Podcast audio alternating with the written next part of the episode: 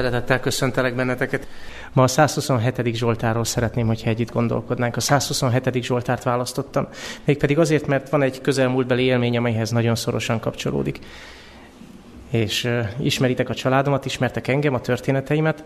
Előre mondom, hogy nem az a tapasztalat, amire gondoltok. Mert a Zsoltár úgy kezdődik, hogy, hogy ha remélem működni fog, működik.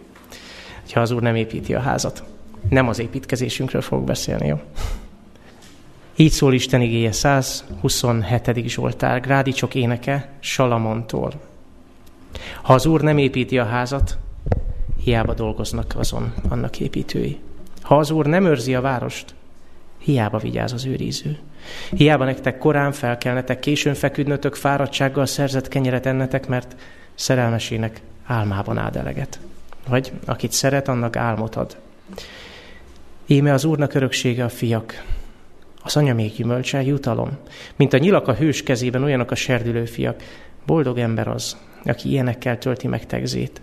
Nem szégyenülnek meg, ha ellenséggel szólnak a kapuban. Idáig az ige. Ez egy nagyon rövid zsoltár, és tudjátok, a grádicsok éneke azt jelenti, hogy ezek a zsoltárok azokra az alkalmakra készültek, hogy mentek lépésről lépésre a papok fel a, a templom bejáratához, és minden lépcsőfokon énekeltek egyet. Van több ilyen rövid grádicsok éneke. Nagyon szeretem őket, mert rövid, de nagyon magvas gondolatok vannak benne. Szép zsoltár, ugye? Nem tudom, hányan ismeritek Halmos Lászlónak a feldolgozását erről. Tegnap este írtam Johinak, hogyha itt lesz, akkor mi lenne, ha elénekelnék. Ma, ma nem tud itt lenni, de de talán, talán többen vagyunk, akik ismerjük és szeretjük. Engem akkor érintett meg nagyon ez a Zsoltár, amikor ezt az éneket hallottam.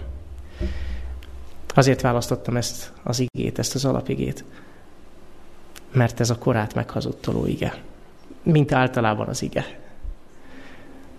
Salamon körülbelül 3000 évvel ezelőtt élt, de ez az ige 2022-es. Ez mai, ez 21. századi. Figyeljétek csak, hogy mi a Zsoltár témája. Házépítés, otthonteremtés, építőipar, lakáshitelek, ingatlan biznisz, ugye? Benne van. Nem? Nem ott van? Azt mondja, az őrizők vigyáznak, hiába vigyáznak. A biztonságkeresés nem 21. századi téma? Te, ugye? Sőt, a biztosítás, meg a security is, meg ezek a, a fogalmak. Biztonságkeresés. Az ember biztonságra vágyik, otthonra is biztonságra vágyik. Korán kelni, későn feküdni. Mondjatok 21. századi fogalmakat. Éjszakázás, túlmunka, három műszak, burnout. Ugye? Kiégés. 21. századi? Az? Az? Honnan látta Salama, hogy nekünk ezek lesznek a problémáink? Tudjátok, nem tudom, a nőtestvéreim hogy vannak ezzel. Mi férfiak szeretünk dolgozni. Mert amikor dolgozunk, akkor úgy férfinak érezzük magunkat, látjuk az eredményt, és ezért hajlamosak vagyunk arra, hogy teljesen belepörögjünk a munkába. Nem tudom ti, hogy vagytok fiúk, de én, én, én nagyon sokszor belepörgök a munkába. Elhisszük, hogy ha abba hagyjuk a munkát, és azt mondjuk, hogy most alvás jön, minőségi alvás, tudjátok, deltáig, akkor az Úr eleget tud adni. Mert azt mondja az ige, hogy a szerelmesének álmában áld eleget, ez nem azt jelenti, hogy megeteti álmában, hanem azt jelenti, hogy ad neki jó pihenést. Alvást ad neki. Alvást ad. Ki a Zsoltár írója? Még egyszer. Ezúttal nem Dávid, nem Kórák fiai, és nem Aszáf, hanem Salamon. Salamon. Salamon épített? Ha, nagyon is, ugye? Sikeres volt az építésben? Igen, nagyon sikeres volt. Dolgozott Salamon? Igen, igen. Sikeres volt a munkájában? Igen. Melyik az a terület, ahol Salamon nem volt sikeres? Hangosan, jól mondtad? A magánéletében, az emberi kapcsolataiban. Igen, a Zsoltár folytatásra teszi igazán aktuálissá ezt a Zsoltárt. Azt mondja nekünk, hogy az Úrnak öröksége a fiak. Az anya még gyümölcse jutalom. De úgy tűnik, hogy az igazi nyereség a család. De hogy szélesítsem ki, mert az Úr nem mindenkit hívott el arra, hogy szülő legyen, de mindenkit elhívott arra, hogy a befolyását jó irányban árassza. Nem kell mondanom, ebben a gyülekezetben iskolánk is van. Érdekes, amikor a bizonyságtételeket olvasom, mindig együtt említi a szülőiskola, szülőiskola. Elhívott tanárokat, sőt kivétel nélkül mindenkit arra, hogy emberi kapcsolatokat ápoljunk, hogy a befolyásunkkal Krisztus mutassuk be. Mivel állítja kontrasztba ez a Zsoltár a szülő-gyermek kapcsolatot, és egyáltalán az emberi kapcsolatokat? Figyelitek? A túlmunkával. Amikor beleveted magad a munkába, amikor beleveted magad abba, hogy haladni kell, előre kell menni. Ez a Zsoltár azt mondja, hogy rá fognak menni a családi kapcsolataid, hogyha nem tudsz megállni. Salamon sikertelensége, nézzétek meg, miben volt sikertelen Salamon? A házasság és a gyermeknevelés. Ott van énekek egy gyönyörű könyv. De figyeljetek, tudjátok, hogy a zsidó hagyomány szerint, és valószínűleg tényleg így történhetett, már, már énekek énekében is, nem is tudom, 70 királynőről beszél. Féltékeny volt a többi királynő, akiket diplomáciai szempontból és diplomáciai érdekekből vett feleségül. A zsidó hagyomány úgy tartja, hogy ők megölték eh, Szulamitot. Salamon egyetlen igazi kedvesét. És utána Salamon, hát tudjátok a történet folytatását. Már nem 60-70 királyné volt, hanem ezer. Ezer. Betegek lettek a kapcsolata, és nézzétek meg Roboámnak a jellemét, Salamon fiának a jellemét. Ennek a végtelenül bölcs embernek a, a fia kettőig nem tud számolni, és el, helyből elveszíti az országnak a, a jó részét. Tudjátok, a mi sikertelenségünk valahol itt van, legalábbis az enyém itt van. És elmondom a tapasztalatomat, és hogyha magatokra ismertek benne, tudjatok róla, ez az én tapasztalatom, de lehet, hogy a tietek is. Kaptam egy új projektet. A szombatiskolán már emlegettem. Fontos projekt. Igazából egy korszakalkotó ötlet. Nagyon lelkes vagyok érte, olyannyira, hogy bele is vetettem magam a munkába. És a múlt héten volt több nap egymás után, hogy na, még jött az ötlet, akkor még azt leírom, még azt leírom, és tudjátok, a munkaidőnek már vége, de nem baj, ha behozom az órákat, az csak jobb. Ugye, rugalmas a munkaidőm, tudok nem csak utólag előre is dolgozni. És emlékszem, hogy meeting meetinget követett, állandóan Zoom vagy Teams előtt voltam, és aztán este még volt talán, tehát lehet, hogy szerdai nap volt, volt valami bizottság is, és emlékszem, hogy a, a nagyfiam bejött, és mondja, hogy apa, apa. És mivel meetingen voltam, nézem a kamerát, csak ennyit tudtam csinálni így a kezem, hogy most menj ki. Este a feleségem mondja, hogy tudod, hogy Bálin sírt. Hát, miért? Nem tűnt fel, hogy nem láttad egész nap a gyerekeket? És tudjátok, otthonról dolgozom. A hangjukat hallom. Egész nap nem láttak. Egész nap. Soha életemben nem értettem még ennyire, hogy is mondjam, nekem szólónak ezt az igét. És ennyire a szívemhez szólónak. Hiába korán felkelni, hiába későn feküdni, hiába a fáradtsággal szerzett kenyér. Az Úr öröksége a fiak, az anya még gyümölcse a jutalom, nem az évvégi prémium a jutalom. Nem a fizetésemelés és nem a karriered, ahogy megy előre. Nem az a jutalom, amikor ránézel a munkádra, és azt mondod, hogy fú, megint előre haladtunk valamivel. Tudom, hogy kiváltságos helyzetben vagyok. De hát a fiam még keres. Még keres. Bekopog. És hogyha nem jövök, akkor sír. Egyébként de nagyon jó gyerek, magas az érzelmi intelligencia nálunk, egy kicsit ugye elbillettek a dolgok, Bálintba került több. Másik fiam a kicsit kevesebb, legalábbis bizonyos szempontból, de Bálint nagyon-nagyon bele tud érezni.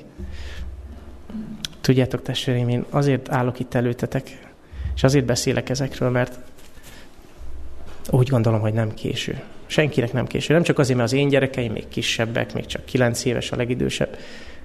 Nem vagyunk elkésve. De lépéseket kell tennünk. És itt szeretném felhívni a figyelmeteket valamire, ami már hétszer kaptam meg e-mailbe, csak az utóbbi években. Rákerestem az e-mailjeim közt, hétszer kaptam meg. Van egy idézet, ami cirkulál eh, gyakorlatilag világszerte. Angol nyelven a White Estate-nek a honlapján is megtaláljátok ezt az idézetet, és ott is elmondják, hogy fake, nem igaz, hamis. Talán hallottatok erről a Krisztus utolsó közmenjárói munkája, a szülők imáját meghallgatja, és majd elmegy a gyerekekért, akik, akik elhagyták az urat, és emlékezteti őket a nevelésükre. Az, az alapgondolat egyébként szép, pár, mint hogy nem idegen, Tudnék, van egy ilyen idézet, hogy a végső válság idején sokan, és ezt tényleg írja, ezt tényleg írja. A végső válság idején sokan, akik eltévedtek a nyájtól, megtérnek, hogy kövessék a nagypásztort. Van ilyen ígéret. De tudjátok, amikor az ihletet írással manipulálsz, és kitalálsz ihletet írásokat, lehet nagyon jó a szándékod. Rossz is, meg jó is, de amikor ihletet, írást, hogy is mondjam, hamisítasz, akkor mindig mérget adsz. Mindig. Tudjátok, milyen óriási gond van ezzel az idézettel? És mondom, azért tartottam szükségesnek fel, felhívni erre a figyelmeteket, mert én magam hétszer kaptam meg. Tudjátok, a White könyvtár miatt kapom sorba az e-maileket, hogy hol van ez az angol eredetiben, meg stb. Szoktam ilyen e-maileket kapni, és ezt hétszer, hétszer kaptam meg. És már copy-paste ugyanazt az e-mailt küldöm vissza. Mi a probléma ezzel az idézettel? Mire biztat? Hogy elszalaszd a mát. Ma van kötelességed a gyermekeidért. Akkor is, hogyha már felnőttek. Elszalasztod a mát. Ha egy, egy tőled független jövőbeli összegyűjtésben reménykedsz. De a legrosszabb itt van. Emlékeztess őket korábbi nevelésükre. Figyeljetek. Tudjátok, hogy mi van ebben a mondatban? Én jól neveltem. Övé a felelősség. Én jól neveltem. Olvasom ezt a mondatot, és az jut eszembe, jaj, csak arra a nevelésre nem emlékeztessék azokat a szerencsétleneket. Testvéreim, nem, nem vagyunk a nevelés professzorai. Meg kell, hogy valljam, három gyerekkel és egy néhány év tanítási tapasztalata. Nektek még több tapasztalatotok van, de ti sem vagytok. A nevelés professzori. Nem vagyunk. Rászorulunk a Szentlélek vezetésére, és szükséges, hogy a mai, a mai napot használjuk ki. Akár mekkora az a gyermek. Lehet, hogy már neki is gyerekei vannak. Lehet, hogy kemény szavakat fogok szólni, de idézek. Jó? Ez az, amit tényleg mondott Ellen White. A szülők, figyeljetek, ezek mi vagyunk, én vagyok. A szülők ne nyugodjanak, ha egyetlen olyan gyermekük is van, aki nincs tudatában bűnös állapotának. És akkor figyelj, ébredsz rá a bűnös állapotára? Vagy folytatódik? Gyújtsanak meg, gyújtsák meg a gyertyát. Gyújts gyertyát. Azaz Nyisd ki az ablakot, kapcsolt fel a villanyt, próbáld megérteni az Úr akaratát. Kutassák Isten igéjét, és Isten igéjének fényénél, bocsánat, lehet, hogy rosszul van lefordítva, Isten igéjének fényénél gondosan vizsgálják meg minden, vizsgáljanak meg mindent a családjukban, hogy meglássák, miért tévedett el a gyermekük. A szülők vizsgálják meg saját szívüket, tanulmányozzák szokásaikat, életformájukat. Figyeled? Mit mond? Ha azt látod, hogy a gyermeked nem érdeklődik az evangélium iránt, vizsgáld magad, nyisd ki az igét, az igét kutast. Vannak nagyon jó pedagógiai könyvek, én ezeknek a, hogy is mondjam, a hasznosságát nem vonom kétségbe egy pillanatra se. De figyeljetek, ahol kezdenünk kell, az az ige. Legyen világosság, azért hogy gyúrgyertyát. Vizsgálják meg saját szűket, tanulmányozzák saját szokásaikat. Nézd meg, hogy hányszor csináltál így a kezeddel, mint ahogy én tettem. A gyermekek, itt van a Zsoltár, az Úr öröksége, és számot kell adnunk arról, hogy miként kezeltük Isten tulajdonát. Elküldöm a listára az idézetet, úgyhogy befotózhatod, de elküldöm. Így folytatja egy másik helyen. Vizsgáljuk meg az ügyet helyes szemszögből. A gyermekek az Úr öröksége. Itt van a Zsoltár, ugye? A gyermekek az Úr öröksége, és úgy kell őket nevelni, hogy az Úr családjának fiatalabb tagjai legyenek akiket megfelelő oktatással mire kell felkészíteni? Hogy már gyermekkorukban az urat szolgálják. Nagyon örülök, hogy egy kislány a gyülekezetből ide kiáll. Köszönjük, Milla. Kiáll, és elmondja az evangélium veleit. Ez az úr szolgálata. Elmenni és elmondani az evangéliumot mindenki. Figyeljetek, mi a nevelés célja? Missionárius képzés. Ó, ha tisztában látnánk, mit érhetnénk el ha Jézustól tanulnánk. Testvéreim, nem késő. Még lehet Jézustól tanulni. Kiváltságos helyzetben vagyunk, akiknek gyermekeink vannak, vagy akik tanárok vagyunk, vagy akiknek bármilyen befolyásunk van. Mint a nyilak a hős kezében ezt olvastuk. Ugye? Ki a hős? Ki is vetítettem az igét. Jeremiás könyvében azt olvasom, hogy a hős a hős az maga az Úr. Az Úr velem van, mint hatalmas hős. Ugyanazt a Héber szót találod itt, Jeremiásnál, mint a Zsoltárban.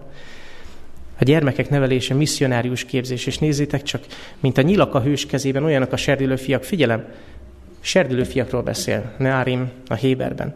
Azt jelenti, hogy nem, tehát ez, ez jelenti nem csak a pici gyereket, hanem a kamaszt. Tehát a Biblia sehol nem mondja azt nekünk, hogy ó, persze a gyerek 11 évesen megőrül, majd aztán majd megjön az esze 18 éves korára. Nem. Nem. Azt mondja, a tinédzserek nyilak a nagy hősnek, az úrnak kezében. A Biblia nem beszél arról, hogy a hormonok miatt az egy jó magyarázat, hogy a Biblia magasabbra tűzi a célt, mint azt, hogy mi szülők elviseljük, hogy igen, kamaszodik a gyerek. Az én kilenc évesem is kamaszodik, igen. Szóval mi lesz még, ugye? De az Úr akar adni nekünk valami jobbat. A kérdés, hogy igényeljük-e, belenyugszunk, hogy így kell történjen, mert ez az emberi természet, vagy igényelünk valami jobbat, valami többet. Nem szükség, nem vagyunk arra predestinálva, hogy megszakadjon a kapcsolat a kamasz gyerek és a szülő között. És még nincs nagy kamasz gyerekem.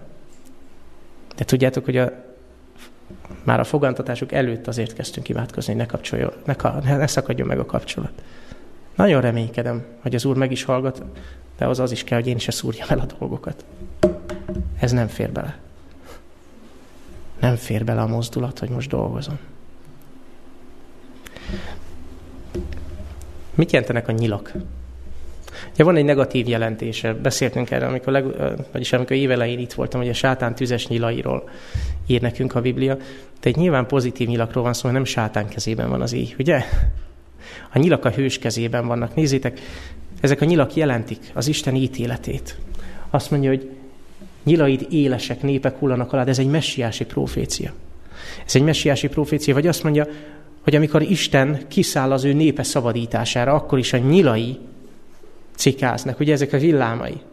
Amikor megszabadítja az népét, amikor felkel és azt mondja, hogy elég. De van itt még egy szép kép. És nekem ez a kedvencem, és erről szeretnék egy kicsit többet beszélni ma. Van egy fehér lovas, emlékeztek a fehér lovasra? Hol szerepel a fehér lovas? Ki az, aki tudja? Jelenések? Jelenések könyve hatodik fejezet. Jelenések könyve hatodik fejezetében az őskereszténységet szimbolizálja a Biblia a fehér lovassal. A korai kereszténységet. Azt mondja, láttam, és jött egy fehér ló, és a rajtőlőnél így volt, és adatott neki korona, győzelem. És ki jött győzve, hogy győzzön. Korona, győzelem, győzelem. Milyen volt az őskereszténység? Milyen volt az őskeresztény gyülekezet?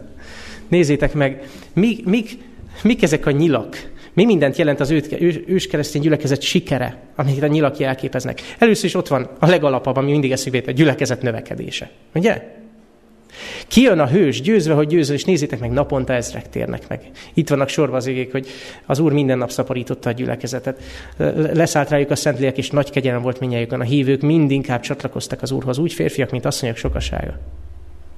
Kortól, nemtől, sőt, státusztól függetlenül. Aztán egy ponton már etnikomtól függetlenül is jöttek és csatlakoztak. A keresztény gyülekezet növekedett. Mit jelent még? Azt, hogy a kereszt, a kereszt, Krisztus keresztje a szívhez beszél. Nekem ez az egyik kedvenc igém. Péter apostol bátran kiáll. Az a Péter, aki 50 nappal korábban, vagyis hát 52 nappal korábban megtagadja Jézust. És kiáll az emberek elé, és azt mondja, Bizonyal tudja meg Izraelnek egész háza, hogy Urrá és Messiássá, Krisztussá tette őt az Isten, azt a Jézust, akit ti megfeszítettetek. Hol van az a Péter, aki, aki azt mondja, hogy nem ismerem őt, és átkozodok, és esküdözök? Sehol. A Szentlélek valamit elvégzett benne, valami fantasztikus dolgot. És amikor ezeket hallották, nem azt mondták, hogy de te vagy az, aki elárultad. Vagy nem, nem azt mondták, hogy te bolond vagy. Azt mondja, a szívükben megkeseredtek, akik hallgatták. Azt mondja, ti, akik megfeszítettétek, és akikre rámutat, hogy ti nem megsértődnek, hanem megkeserednek a szívükben, és azt mondják Péternek, mit cselekedjünk, atyám fiai? Mit cselekedjünk? De figyeljétek meg jól a kifejezést. Megkeseredni, hogyha van valakinél Biblia program, vagy bármi. Itt azt mondja, nem azt mondja, hogy megkeseredni, hanem azt mondja, hogy átszúrja. Valami éles tárgy, egy fegyver átszúrta a szívüket. Amikor azt hallották, hogy ti vagytok azok, akik Jézust megfeszítettétek, akkor a szívüket, mintha átszúrta volna valami. Mi? A nyíl a hős kezében, nem? A nyíl, a fehér lovasnak a nyila. Tudnélik, az Isten a lelki ismeretükhöz szólt. És a kereszt fénye bevilágította a lelkükbe, átszúrta a szívüket az evangélium. Mit jelképez a nyíl a hős kezében? Az evangélium győzelmét a szívben. Mit jelképez még a nyíl a hős kezében? Meggyőző, hiteles kereszténység. Nézzétek meg, ezt is mondja az ős keresztény gyülekezetről, hogy egyébek közül senki nem mert közéjük keveredni, mindenki magasztalt őket. Mindenkinek a szemében nagy volt a keresztény gyülekezet. kívülállók szemében azt mondták, hogy igen, a keresztények, nem menj oda, mert valaki azt mondta, nem menj oda, mert meghalsz, mint Anániás és Szafira, ez egyébként abban a történetben van. De azt mindenki elismerte, hogy miért? Mert Anániás és Szafira csaltak. Ezek itt mind becsületes emberek. A nép azt mondta róluk, ezek itt mind talpig becsületes emberek. Mi még? Nézzétek meg az őskeresztény korszakról, mit tudunk. A hívők sokaságának szíve, lelke egy volt. Szíve, lelke egy. Mit jelképez a nyíl a hős kezében? A gyülekezet egységét. Az egyház egységét, az összetartást, a közös munkát, a működő emberi kapcsolatokat kell ma- Malakiást idéznem? Malakiás 4.6-ot. Azt mondja, hogy Isten elküldi nekünk a késő esőt, a Szentlélek kiáradását, amit illéssel jelképez, illés lelkével. Mikor lesz eredményes a misszió? Mit mond Malakiásnál? Az atyák szíve a fiakhoz fordul, és a fiak szíve az atyához. Az atyák vannak az első helyen. Nálunk a labda, nálunk szülőknél. És a konklúzió az, hogy jön a boldog ember és a boldog gyülekezet. Boldog ember az, aki ilyenekkel tölti meg tegzét. Ilyen a boldog család. Ilyen egy boldog gyülekezet, ahol az evangélium átszúrja a szíveket, ahol hiteles keresztény élet látható, és ahol a generációk egymással találnak. És még egy utolsó bibliai szimbólumot szeretnék mutatni erről a fényes nyílról. Azt a címet adtam ennek a szakasznak, hogy a fényes nyíl és az ellenség a kapukban, mert a Zsoltár utolsó szakasza, vagyis a vége így szól, hogy nem szégyenülnek meg, amikor ellenséggel szólnak a kapuban. Ki az ellenség? Ki az ellenség? Ki az ellenség? Sátán. Persze. Mi a kapu? Miért kellene neked az ellenséggel a kapuban szólni? Szoktál sátánnal beszélgetni a kapuban? Mi a kapu a Bibliában? Mit jelképez különös tekintettel az Ószövetségre? Az Új Szövetségben már más volt a szokás a rómaiak miatt. De mit jelképezett a kapu az ókori keleten? Minek a helye volt? Az, az ítélet helye. Vagyis, mit mond nekünk ez a Zsoltár? Ha a gyermekeid rendben vannak az Úrral, ha a gyermekeid rendben vannak az Úrral, akkor sátán nem tud vádolni az ítéletben. Hát testvér, én nagyon-nagyon szeretném, hogyha sátánnak ez ne lenne egy, egy fegyver a kezében. Emlékszünk Zakariás 3 a sátán ott áll és vádolja Isten népét. Ugye a főpapot vádolja, de ő ennek jelképében az Isten népét.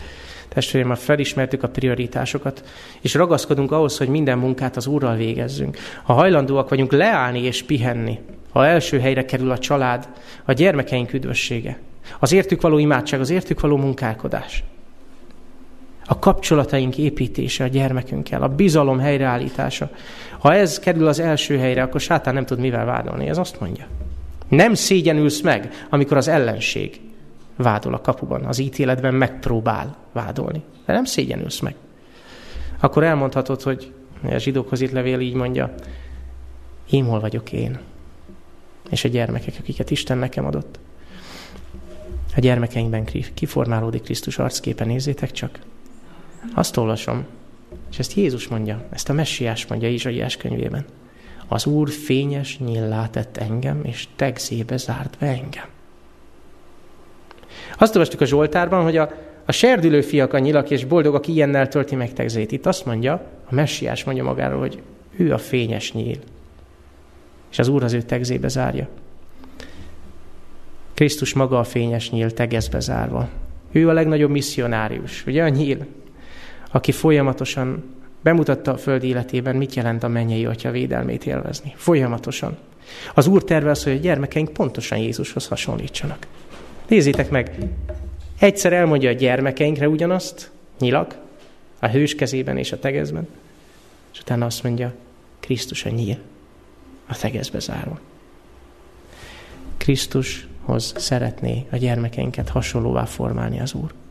Neki az a célja, hogy Jézus tükrözzük vissza az egész világnak, a gyermekeinknek, a családunknak. Nem kevesebbet ígér és ne várjatok el ennél kevesebbet az Úrtól. Ne várjunk ennél kevesebbet. De itt van A zárszóm, a felhívásom hozzátok. Ne gondoljuk, hogy elkéstünk. Tudom, hogy többeteknek van felnőtt gyermekük. Tudom. Tudom azt is, hogy egy néhány éve itt tanítok, és tudjátok, néha, néha feljönnek olyan dolgok, hogy, hogy az, az fogalmazódik meg bennem, hogy bár csak mi szülők ráébrednénk arra, hogy helyre kell állítanunk a kapcsolatot.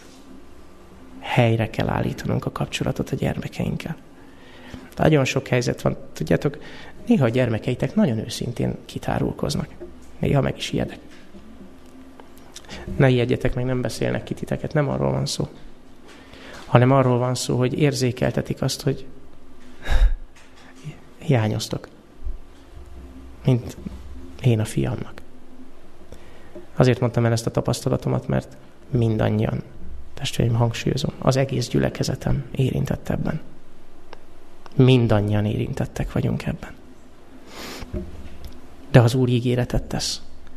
Az az ő ígérete, hogy minden szülői, minden tanári, minden testvéri, gyülekezeti, ismerősi, baráti erőfeszítést megállt. Minden irány, ilyen irányú lépésedet meg fogja álltani. Az Úr öröksége az a gyermekeink. Ők az Úr öröksége. Nézzétek az utolsó idézetemet. Kedvesen. Hogyan? Kedvesen. És hogyan még? Türelmesen kell oktatni őket. Lépésről lépésre. Szeretném, ha jól megemésztenénk. Hogyan kell oktatni? Kedvesen és türelmesen. Na, ha belőlem valami hiányzik, amikor lépni kéne, akkor csak ez a két tulajdonság hiányzik belőlem. Gyerünk már csináld, ugye? Ez jön fel belőlem.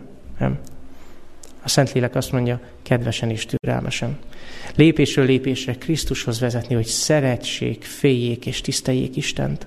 És itt jön a nagy mondat. A szülők biztosak lehetnek abban, hogy az Úr minden ilyen irányú erőfeszítéseikkel együtt fog működni. Hiszitek ezt az ígéretet? Hiszitek azt, hogy az Isten minden erőfeszítésünket megáldja? Ha csak annyit teszel, hogy felhívod a gyerekedet, ha csak annyit teszel, hogy mondasz neki egy kedves szót, ha csak annyit teszel, hogy nem irányítani akarod, hanem rákérdezel, hogy figyelj, miért választottad ezt az utat? Megtanulni kérdezni, megtanulni ilyen alapdolgokat, érdeklődni a gyermekeink iránt. Készek vagytok együttműködni vele? Készek vagyunk? Készek vagyunk gyertyát gyújtani és átvizsgálni a saját életünket. És a Szentírást így olvastuk. És elfogadni az Úrtól, hogyha rámutat a hibáinkra, ha igen. Ha készek vagyunk erre. Kérlek benneteket, hogy hajtsunk térdet az Úr előtt, és kérjük az ő lelkét. Hálát adunk neked, hogy ezen a néven szólíthatunk atyánknak, édesapánknak. Te vagy nekünk a tökéletes minta, a tökéletes példakép abra, hogy milyennek kell egy szülőnek lenni. Atyánk, szeretnénk megvalani előtted, hogy sok mindenben hibáztunk, és sok lehetőséget elmulasztottunk.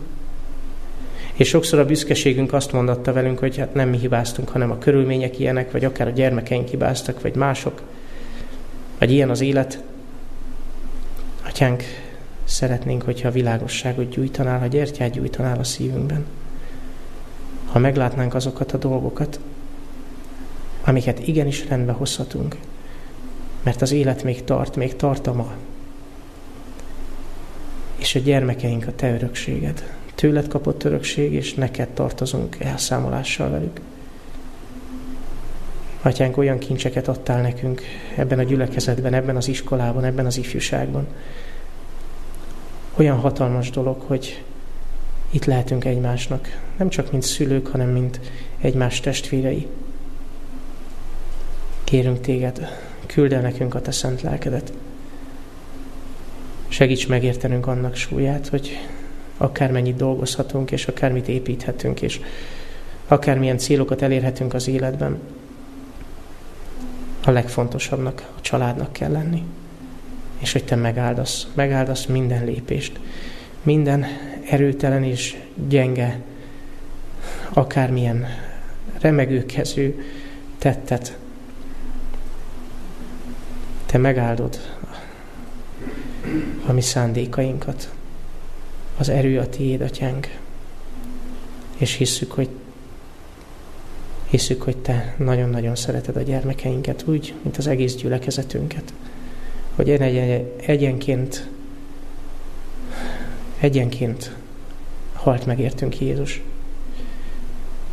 Nem összességében, hanem tényleg személyes ez az áldozat. Segíts ezt megértenünk. Köszönjük, Atyánk! Köszönjük még egyszer, hogy így szólíthatunk, és hogy Jézus nevében megállhatunk a trónod előtt. Amen.